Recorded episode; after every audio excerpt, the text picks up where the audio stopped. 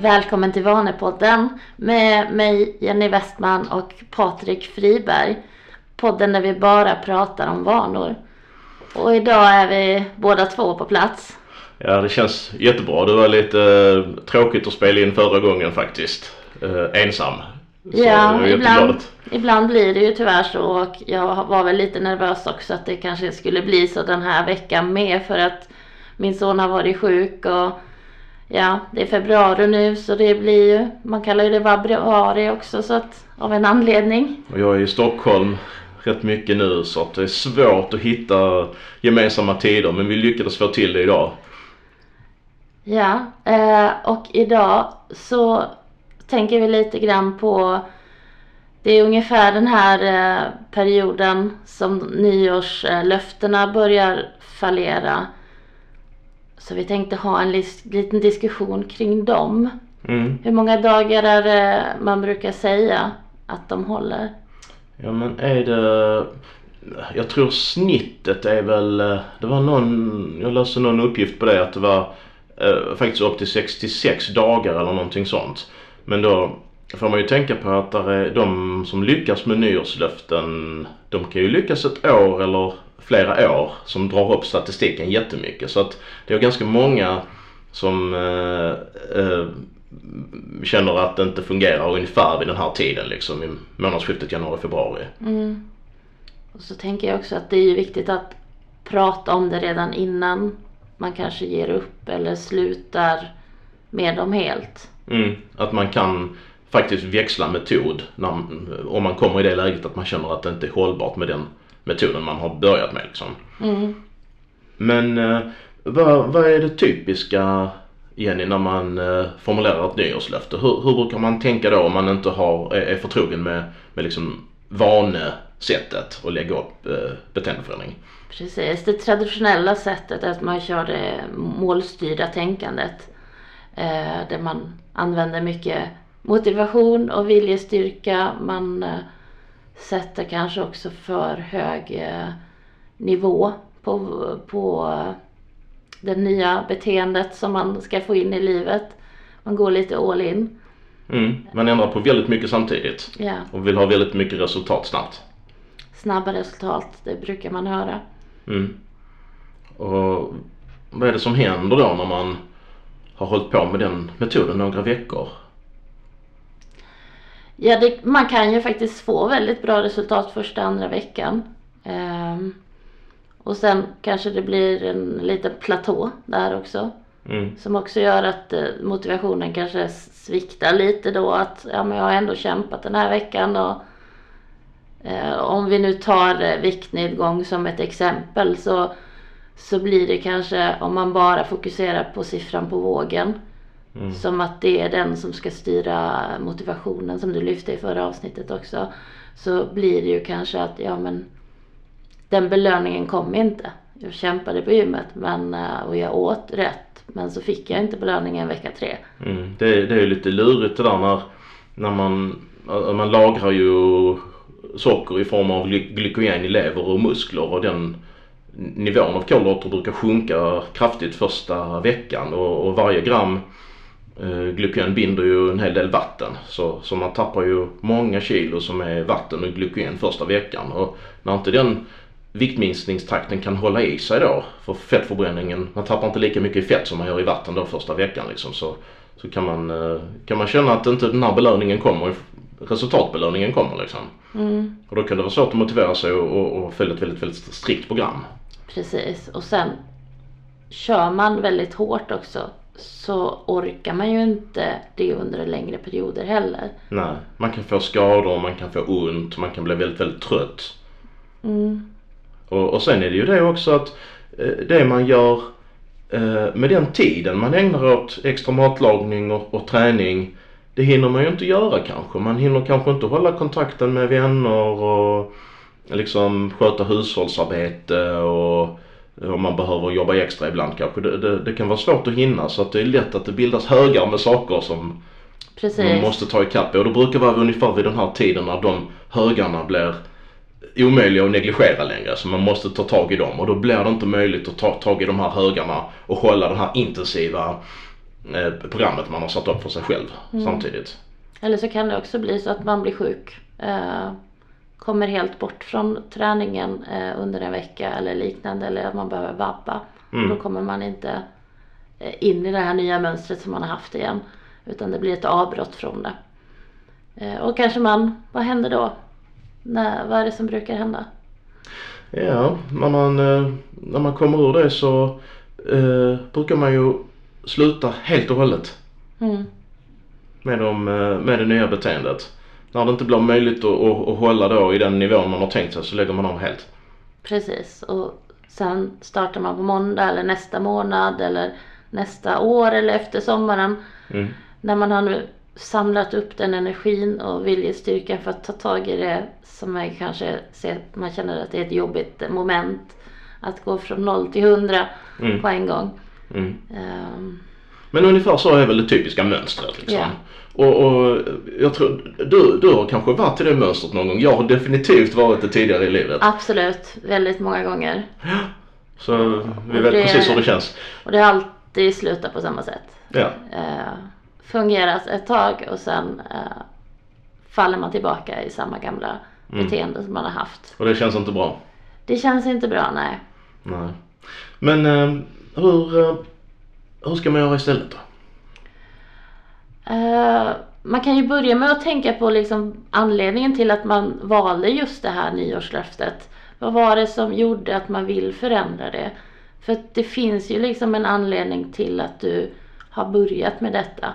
Någonting som du vill förändra i ditt liv. Och den anledningen finns ju kvar. Även då när man känner att det kanske inte är möjligt att göra det nya beteendet. Mm. Eh, som man förutsatte sig liksom.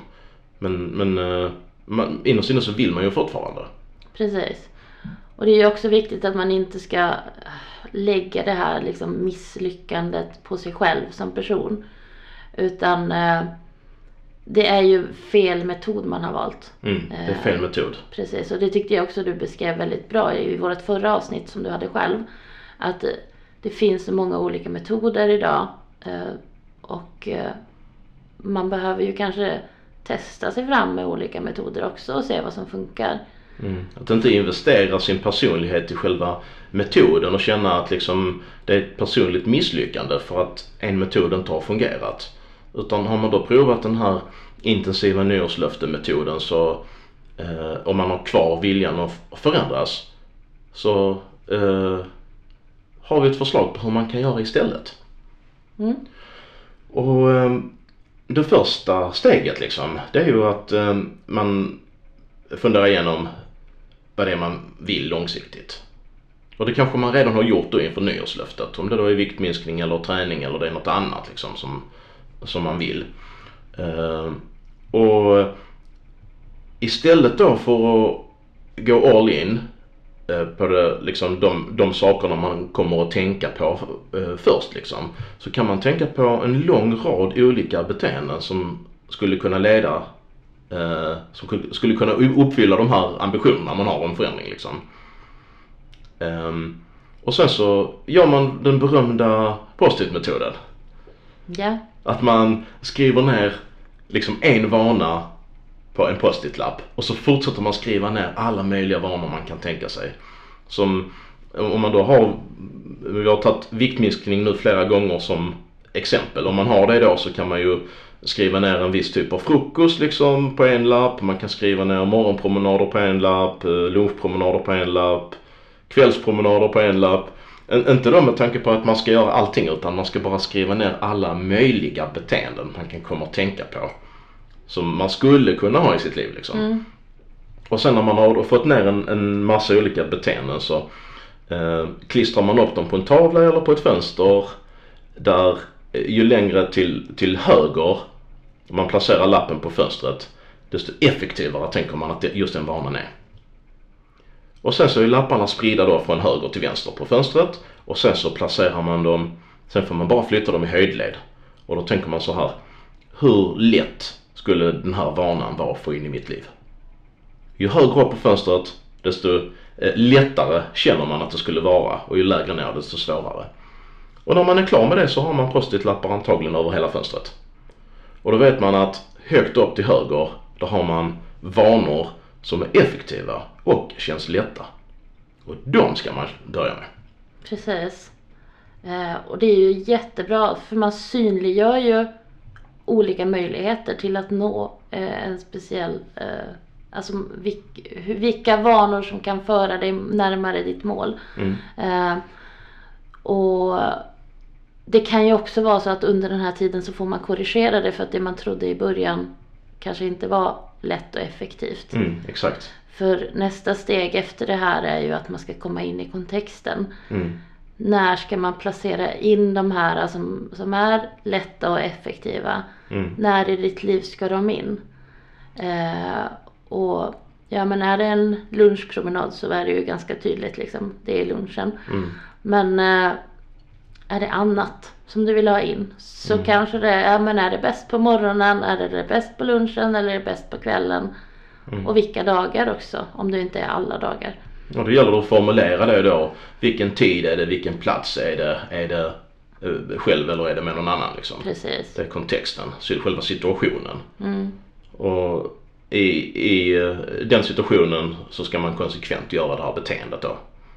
Precis, och stöter man på eh, liksom att det inte funkar så får man korrigera det. Mm. För det är ju sällan man kanske prickar rätt tidpunkt på en gång.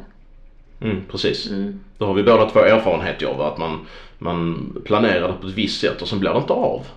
Precis. Och sen så tänker man då att istället för kvällen kanske det är bättre på morgonen eller det är liksom eh, det är en annan tidpunkt eller med någon annan eller att man gör någon typ av förändring av kontexten och plötsligt så lossnar det. Då börjar det fungera. Precis. Och en, ett, ett annat moment kan ju vara att det faktiskt ändå är rätt eh, tidpunkt. Mm. Men man har ingen trigger, man har ingen påminnelse att man ska göra det här beteendet. För det, det är också viktigt att man har det, speciellt i början. Mm, exakt. Och ett vanligt misstag man gör där, det är att man tänker så att kontexten är då när man kommer hem på kvällen efter jobbet. Mm. Men så kommer man hem och man har liksom inte tänkt igenom tillräckligt noga om det är okej att man äter lite först. Och man svarar på mail, snabbt tittar på en serie innan man då gör det, det beteendet om det är liksom åka till gymmet eller vad det kan vara. Mm. Och det man kan göra när som helst, det är ju ofta sånt som inte blir av alls. Precis, för det planerar man inte in. Jag Nej. vet själv när vi började med att lägga in trigger i våra egna liv, i våra egna vanor för två år sedan. Mm. Eh, Då upptäckte jag ju att jag redan hade automatiserade vanor just vid de tillfällena som ställde till det liksom. Här har jag lagt in en trigger för ett beteende men helt plötsligt kommer det automatiserade vanor där Ja. istället. Så då måste jag ju lägga den triggern efter den sista automatiserade vanan eller eventuellt före. Mm. Ehm, Du hade redan be- beteenden som, var, som du hade vant in liksom och så Precis. krockade det med det nya. Och när man inte tänker på dem så de sker ju automatiskt omedvetet också. Mm. Ehm, så det är ju också varit en, en erfarenhet att synliggöra sådana vanor som man gör. Men vad, vad, vad, vad finns det för exempel på trigger då till exempel när man kommer hem efter jobbet om man vill gå direkt till gymmet? Eh, det vi har nämnt tidigare är ju att träningsväskan står packad liksom i hallen. Kanske Mm. till och med precis innanför dörren. Mm. Ehm, ja, eller eh, ja, om du ska på gymmet men du kanske också vill ut och springa så då kan det vara bara löpskorna som står där framme. Mm. Och när man ser dem då så byter man dem omedelbart. Precis. Så det får ju vara någon typ av symbol för det man ska göra egentligen. Mm. Och det kan också vara så att om man, om man kommer hem och, och alltid brukar vara lite törstig liksom att man går in och man ser sin träningsväska och sen så går man in i köket och, och dricker ett glas vatten. Och när man då sätter ner den på diskbänken då är det startskottet för att man direkt går och byter om och så ger sig ut och springer till exempel. Precis. Men att man har någonting som, som är liksom, det är ett startskott. Och då kan man tänka, har startskottet gått i, gått i ett lopp, då kör man loppet. Man gör inte något annat liksom. Eller hur? För att eh, startskottet är verkligen eh, exakt då man börjar göra det liksom. Och det, det kan ju låta lite mm, onödigt detaljerat kanske men, men ofta så är det lösningen på att få gjort saker istället för att liksom skjuta det framför sig hela kvällen. Mm. Och har man då en trigger som man börjar ignorera. Då är det antingen en dålig trigger som man kanske inte uppmärksammar. Eller så kanske det är just det att kontexten är liksom fel. Mm. Att man har inte tid att göra det just då. Exakt. Eh, Men om, om man känner då att eh, man, eh, man liksom konsekvent inte får till beteendet. Kan det vara så att man har för höga krav på sig själv då? Jag tror det är jättevanligt. Det kan vara att vanan i sig är alldeles för stor. Att det egentligen är flera små vanor. Mm. Eh, Eller att det saknas stödvanor. Men har man ett alldeles för högt beteende, eh, alltså då kan det vara till exempel, ja men jag ska springa en mil varje gång jag är ute och springer. Och då blir det väldigt hö- hö- hög nivå på det beteendet. Mm. Det kanske bara ska vara att man ska ut och eh, ut egentligen och Mm. springa. Utan att man har ett, ett visst eh, antal kilometer som man ska klara av. Och då vet jag många som tänker så då att jag vill inte kompromissa, jag vill verkligen springa den här milen. Så känner jag inte för det på tisdagen så gör jag ett nytt försök på onsdagen. Mm. Och då är det ju inte en vana. Nej. Och det blir så lätt när man flyttar på saker att jag ska göra, eller om man bara säger att jag ska göra det tre gånger i veckan. Mm. Då blir det inte av. Nej.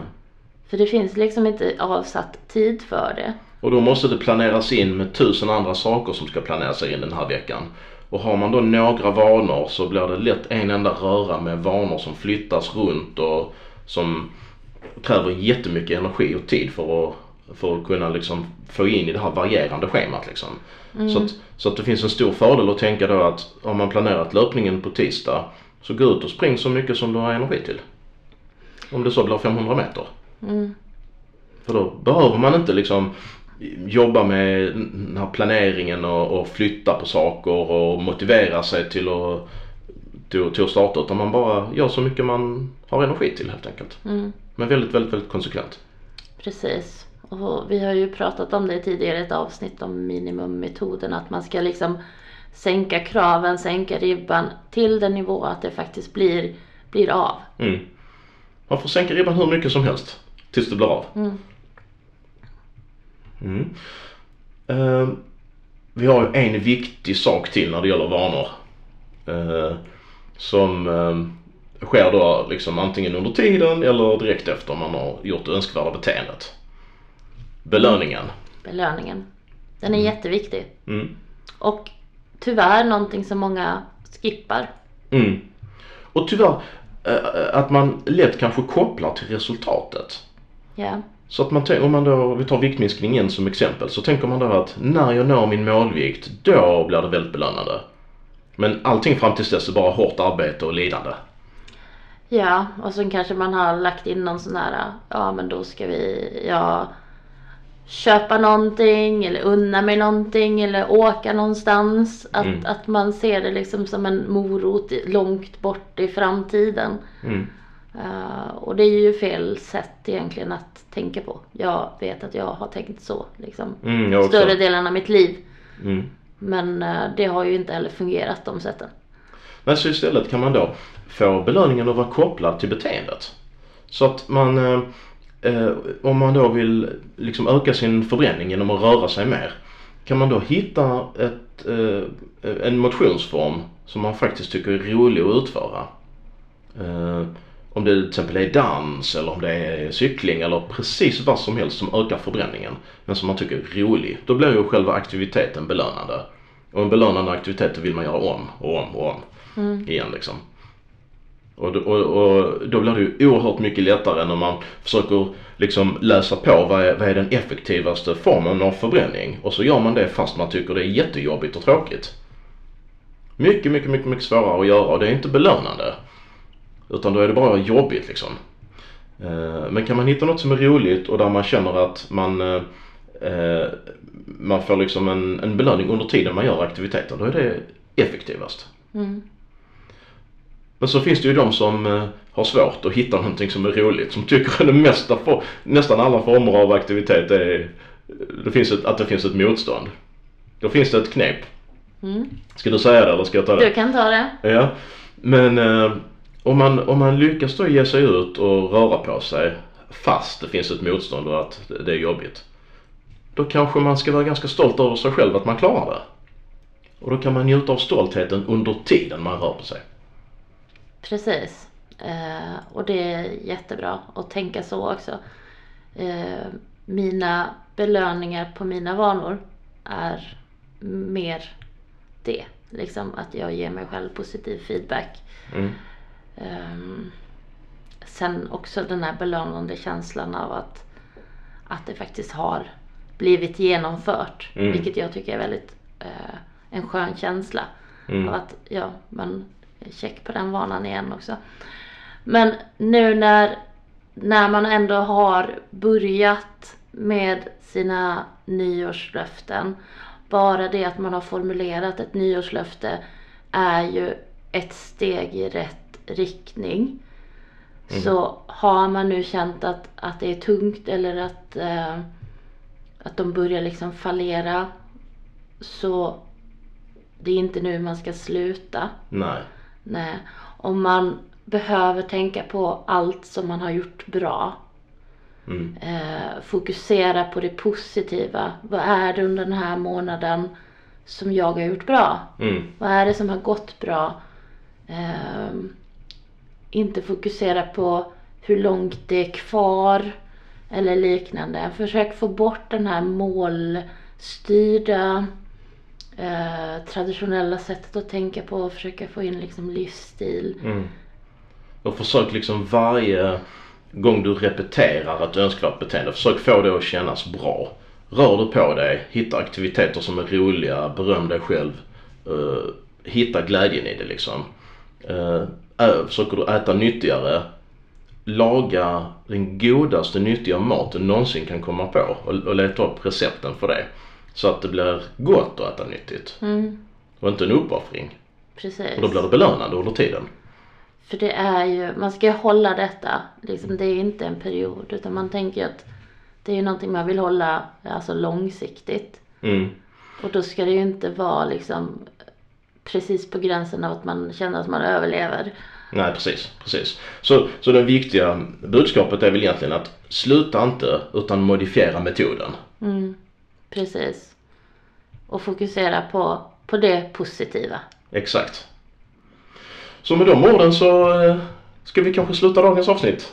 Absolut. Och ha en bra vecka allihopa. Ha det så bra så hörs vi om en vecka igen. Okej, hej då!